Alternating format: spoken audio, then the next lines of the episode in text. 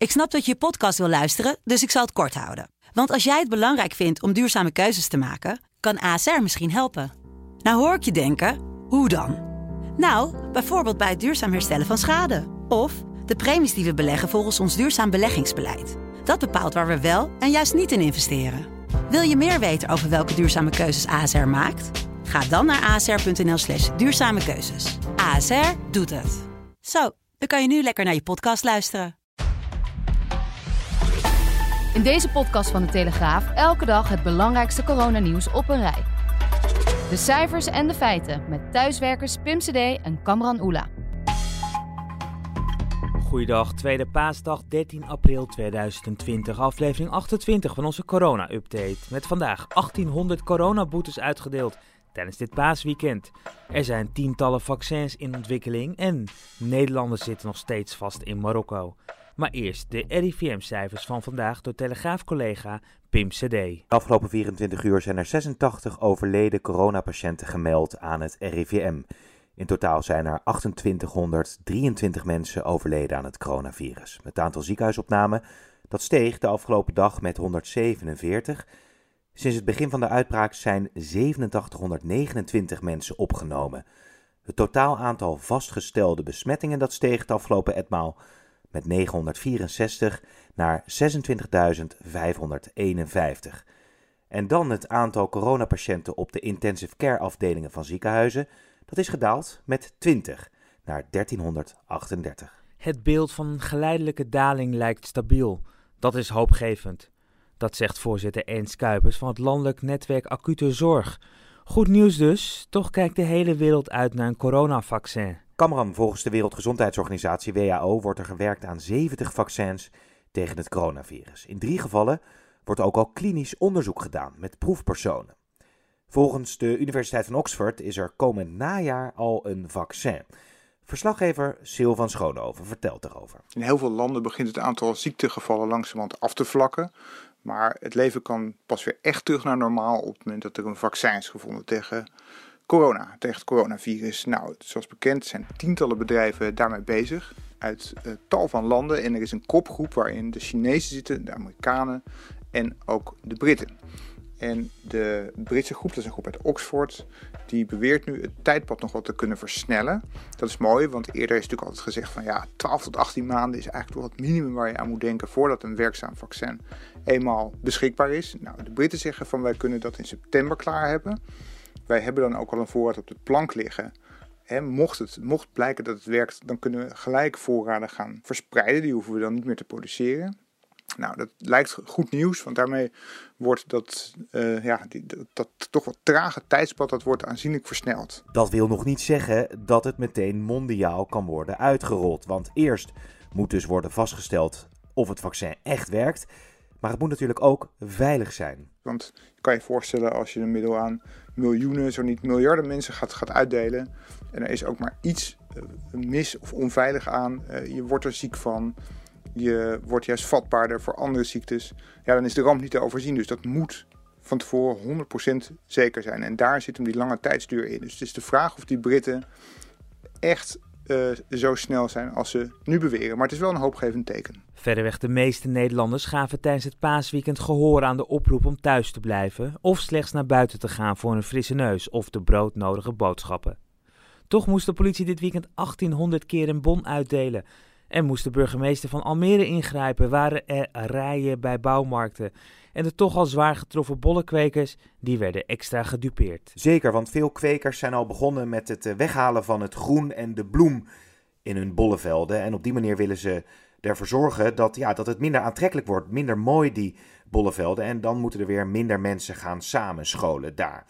Hartstikke zonde en het is bovendien nadelig voor de kwekers, want het toerisme is een belangrijke bron van inkomsten.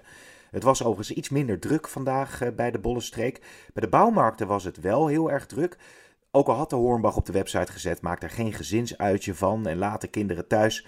Ja, er stonden toch lange files en rijen voor de bouwmarkten. Dan eh, naar Almere, daar heeft de burgemeester vandaag een eh, braakliggend terrein afgesloten omdat er grote groepen bijeen waren gekomen om te crossen met motoren of om er naar te kijken. Volgens toezichthouders waren er tot wel 150 mensen bijeen, waardoor de burgemeester geen andere mogelijkheid zag dan het terrein af te sluiten. In totaal heeft de politie tijdens dat paasweekend dus zo'n 1800 boetes uitgedeeld aan mensen die zich niet hielden aan de strenge regels. Bijvoorbeeld omdat ze met te veel bij elkaar kwamen. Het totale aantal boetes ligt waarschijnlijk nog hoger, omdat de handhavers van de gemeente ook nog boetes hebben uitgeschreven. Het is uit veel landen lastig terugvliegen naar Nederland, u weet dat. Maar de situatie in Marokko lijkt erg nijpend. Nederlanders mogen het land niet uit en de lockdown is daar strikt. Er wordt streng gecontroleerd. Naar schatting gaat het om zo'n 3000 personen met een Nederlandse nationaliteit die nu vastzitten in Marokko. Verslaggever Vincent Triest vertelt over de situatie. Wat de situatie extra bijzonder maakt, is dat Marokko andere landen wel toestemming geeft om landgenoten op te halen. Marokko heeft nog niet publiekelijk gereageerd, maar mogelijk speelt de moeizame relatie met Nederland een rol. Zo is staatssecretaris Broekers-Knol al maanden bezig om een afspraak te maken met haar ambtsgenoot om te praten over het terugnemen van uitgeprocedeerde asielzoekers. Minister Stef Blok die dringt er nu op aan om in ieder geval de meest schijnende gevallen te mogen ophalen, maar ook daar hebben de autoriteiten in Rabat nog niet op gereageerd. We spraken ook met Angelique, die in Marokko in die strikte lockdown zit. Ja, ze komt er maar niet weg, ondanks verwoede pogingen om een vlucht te krijgen. Ik heb daadwerkelijk alles geprobeerd om nog een vlucht uh, te kunnen bemachtigen. En ben daar dus helaas samen met uh, duizenden andere Nederlanders uh, niet in geslaagd. Op dit moment is de situatie hier in Marrakesh vrij rustig. Er is veel politie, veel leger, veel controles. Als ik boodschappen ga doen, dan uh, moet ik ook langs uh, minimaal één of twee controles. Ze willen graag weten waar je heen gaat, wat je gaat doen, waarom je op straat bent.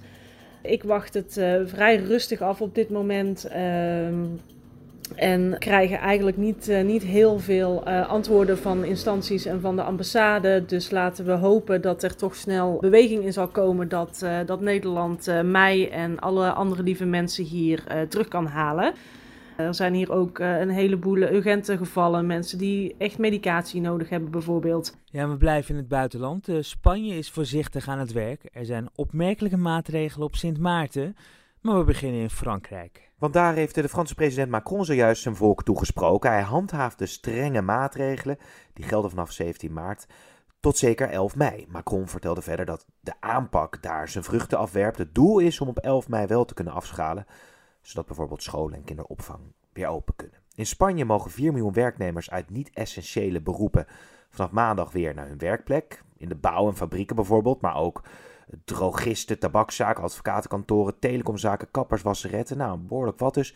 Die gaan langzaamaan weer open. Er wordt uh, wel een discussie gevoerd in Spanje of de maatregelen nu niet te snel worden versoepeld. Virologen zijn bezorgd dat het weer kan gaan leiden tot een nieuwe piek aan coronabesmettingen. In elk geval worden er op 1500 punten beschermende maskers uitgedeeld om besmetting van herintreders te voorkomen. Dan gaan we nog naar eh, Sint Maarten, want daar is de verkoop van alcohol tijdelijk stilgelegd tijdens deze coronacrisis. Zo moet worden voorkomen dat er meer huiselijk geweld plaatsvindt. Volgens de autoriteiten is daar nu sprake van door alle spanningen en is er echt een flinke toename van meldingen van huiselijk geweld. En vaak is er alcohol in het spel. Minister-president Silveria Jacobs die zegt iedereen op het eiland te willen beschermen. En in het bijzonder de kinderen. En tot slot nog een aantal korte coronaberichten door Pim. De Italiaanse voetbalbond hoopt dat de clubs begin volgende maand weer kunnen beginnen met trainen. De spelers moeten daarvoor wel eerst allemaal worden getest op het coronavirus. Eind april zouden die medische controles moeten beginnen en daarna kunnen de trainingen dan weer worden opgestart. Zo is de hoop. Guus Meeuwis en zijn verloofde, iets heel anders, Manon Meijers, die beginnen langzamerhand te twijfelen of hun bruiloft dit jaar nog wel door kan gaan gezien de coronacrisis. We hopen van wel. Het wordt steeds spannender, dat zegt Manon in een Instagram-video van uh, Paul de Leeuw. Maar we hebben nog wel wat tijd hoor, dat vult Guus aan. Een exacte datum was nog niet bekendgemaakt. Dan nog even naar het buitenland, naar Groot-Brittannië. Daar werd een auto aan de kant gezet. Je mag alleen de weg op daar als het echt noodzakelijk is. En de agenten die wilden van de mannelijke bestuurder wel weten wat hij nou eigenlijk van plan was. Nou, hij antwoordde dat hij meer dan 270 kilometer aan het rijden was om even weg te zijn van vrouw en kinderen. En dan tot slot de Italiaanse tenor Andrea Bocelli. Die heeft een miljoen publiek bereikt met een optreden in een lege kathedraal in Milaan. Het soloconcert is al bijna 30 miljoen keer bekeken via YouTube. We zullen het kloppende hart van deze gewonde aarde omhelzen. Zo sprak Bocelli mooie woorden vooraf. Ja, en het uh, soloconcert dat was al helemaal indrukwekkend.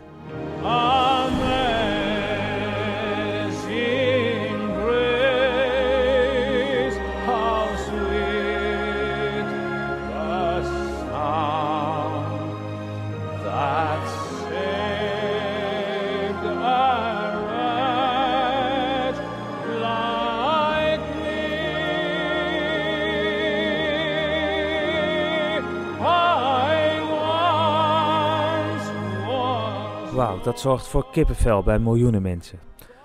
En dit was dan de Telegraaf Corona Update van maandag 13 april. Alle onderwerpen uit deze podcast zijn uitgebreid te lezen en te zien op de site en in de apps van de Telegraaf. En natuurlijk ook in onze krant. Hou vol, blijf gezond en wat ons betreft, tot morgen.